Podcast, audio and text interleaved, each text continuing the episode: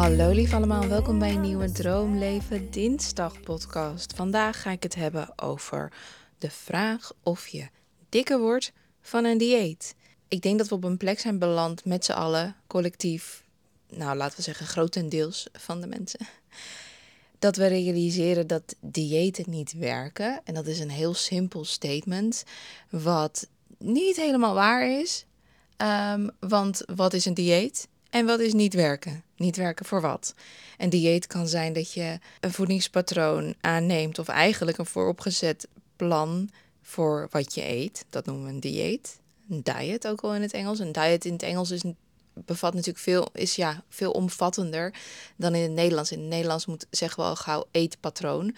Maar een diet is gewoon hoe je eet. En misschien op een specifieke manier zijn er bepaalde dingen. Maar stel je voor, een dieet kan zelfs zijn dat je je suikerspiegel stabiliseert omdat je diabetes hebt, bijvoorbeeld. Nou, werkt een dieet dan? Ja, een dieet werkt dan uh, om je diabetes onder controle te houden. Dus dat is natuurlijk niet waar ik het over heb. Waar ik het over heb zijn de crash-diëten of de, laten we zo zeggen, de vooropgestelde plannen rondom eten, die heel restrictief zijn, die weinig calorieën bevatten ten opzichte van zeg maar, wat je gemiddeld nodig zou hebben. En niet iedereen heeft natuurlijk dezelfde hoeveelheid nodig. Met als doel om af te vallen. En een dieet, een crash-dieet, een caloriearm dieet, een restrictief dieet, kan allemaal werken om af te vallen. Maar eigenlijk houdt niemand het vol. Letterlijk niemand zit zeg maar een jaar lang op een crash dieet. Dat, dat lukt gewoon niet. Dat is niet te doen. Of je belandt in het ziekenhuis, of je houdt het mentaal niet vol. En dat je in het ziekenhuis belandt wil niet zeggen dat je gedisciplineerd bent. Dan zit er ergens echt een leegte, zeg maar. Dus dan wil je zo graag dat je voorbij al je signalen van gezondheid, mentale gezondheid, et cetera, voorbij gaat. Lang verhaal kort, laat ik het zo zeggen. De dieetindustrie is groot. Nog steeds is het heel groot, enorm. Het is een miljardenindustrie. Maar er is dus blijkbaar geen bewijs dat mensen daadwerkelijk afvallen, slanker worden en dus dat ook behouden. Dat is het bizarre. Dat is er niet. Er is geen onderzoek die uitwijst wat ik zei dat iemand uh, van een dieet is afgevallen en dat voor de rest van zijn of haar leven, of laten we zeggen twee jaar heeft vastgehouden. Sterker nog, wat er wel is, is bewijs dat de diëten die bedoeld zijn om af te vallen niet werken. Dus eh, omgekeerd is er dus ook nog eens bewijs om het nog eens even aan te dikken en nog duidelijker te maken. En dat ze dus op lang termijn die diëten juist leiden tot aankomen. Ik wil vandaag even bespreken waarom dat zo is en de onderbouwing. Want ik denk, ja, ik denk dat het belangrijke informatie is voor iedereen die een beetje in cirkeltjes lijkt te gaan en loopt te struggelen met het gewicht en afvallen. En op een gegeven moment toch echt tot de verleiding komt om weer een dieet aan te gaan. Niet alleen mensen die obese zijn, zijn bezig met afvallen. Dat weten we allemaal. Dat ben ik natuurlijk. Eh, maar ook heel veel van mijn luisteraars, mijn volgers.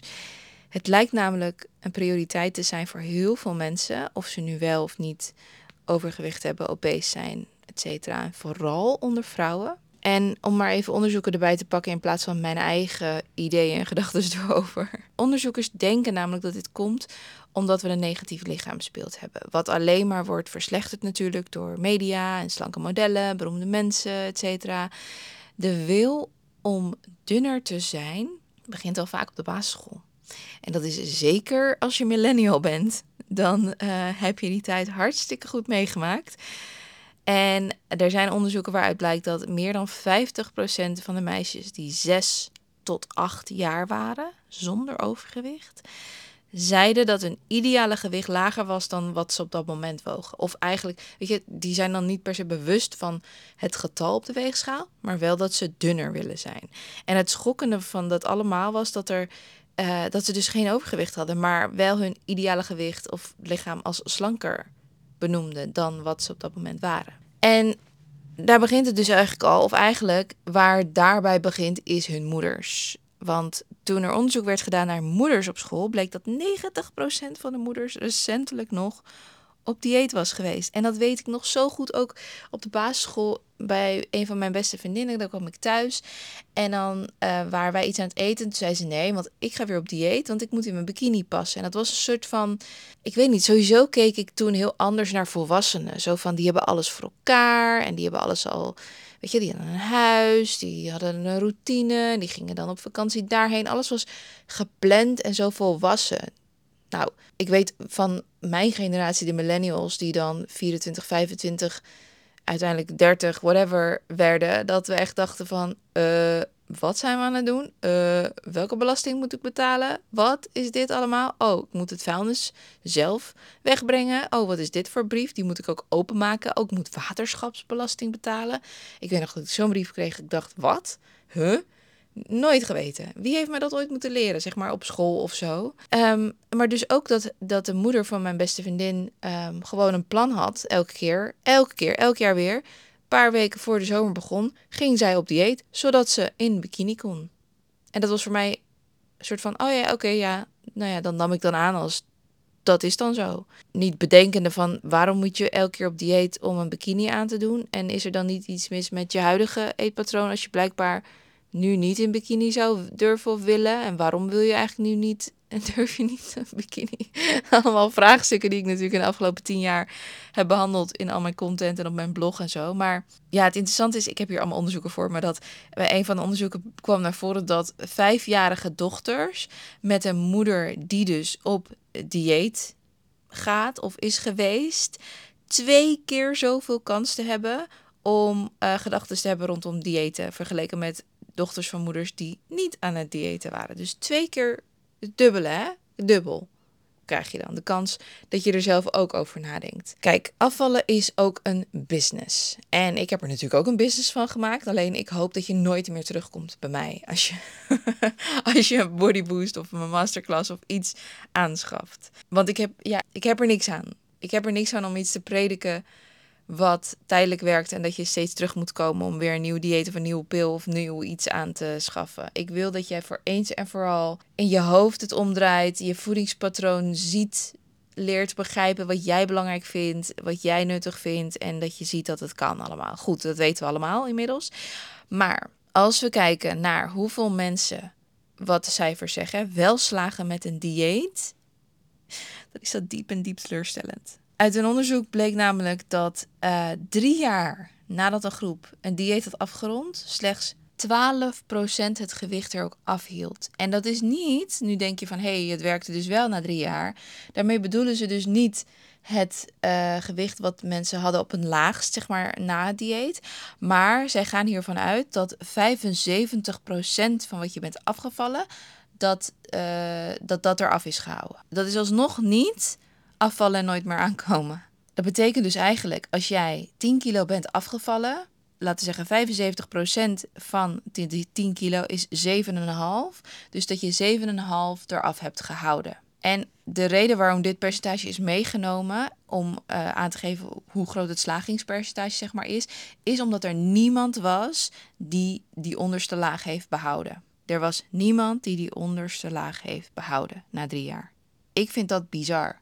Ik vind namelijk drie jaar tijd, ik vind afvallen eigenlijk een soort van skill. Dus je leert je eigen patroon kennen, je leert je eigen gedachten kennen, je leert jezelf steeds beter kennen, zodat je steeds meer fine-tuned. En in mijn beleving ben je steeds lichter elk jaar omdat je steeds beter weet fine te doen. Natuurlijk niet tot je niet niks meer weegt. Maar in principe gaat het niet de andere kant op. In mijn wereld. De mensen die ik begeleid.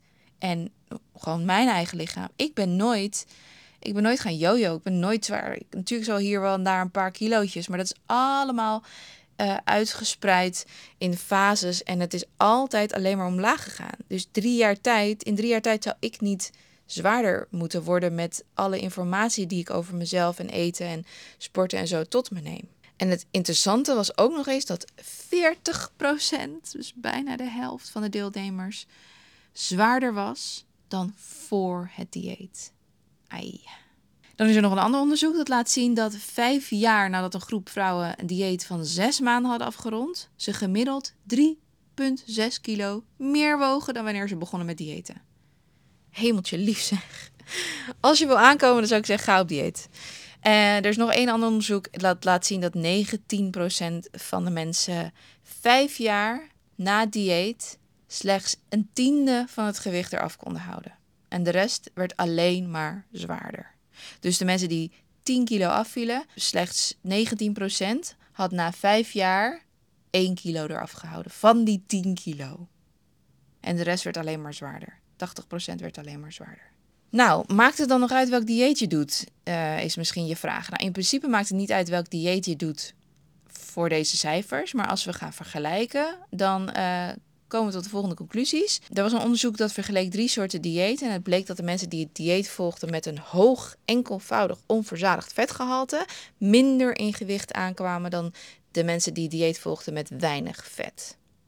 Dus, vetarm is eigenlijk uh, de, de, het recept tot zwaarder worden dan ooit. En dan kan je misschien denken aan het keto-dieet, wat heel veel mensen op dit moment doen. En de afgelopen jaren is dat nog best wel, uh, heeft dat in stand gehouden qua populariteit nu ben ik sowieso geen voorstander van uh, restrictief diëten. Als uh, bijvoorbeeld keto, daarmee je bijvoorbeeld dus geen brood en pasta en zo mag. En dat dat voor jou heel moeilijk is, dan zou ik dat niet adviseren. Maar je ziet hierin wel de informatie dat vetten ongelooflijk belangrijk zijn. En um, het is niet alleen maar, vetten zijn niet alleen maar nodig voor het goed functioneren van je lichaam en je hormonen, maar het houdt je ook nog eens langer vol en verzadigd. En de enige reden dat het wordt geschrapt in diëten is omdat uh, er wordt gedacht dat je er sneller door afvalt, aangezien 1 gram vet 9 calorieën heeft en 1 gram koolhydraat en eiwit slechts 4 calorieën.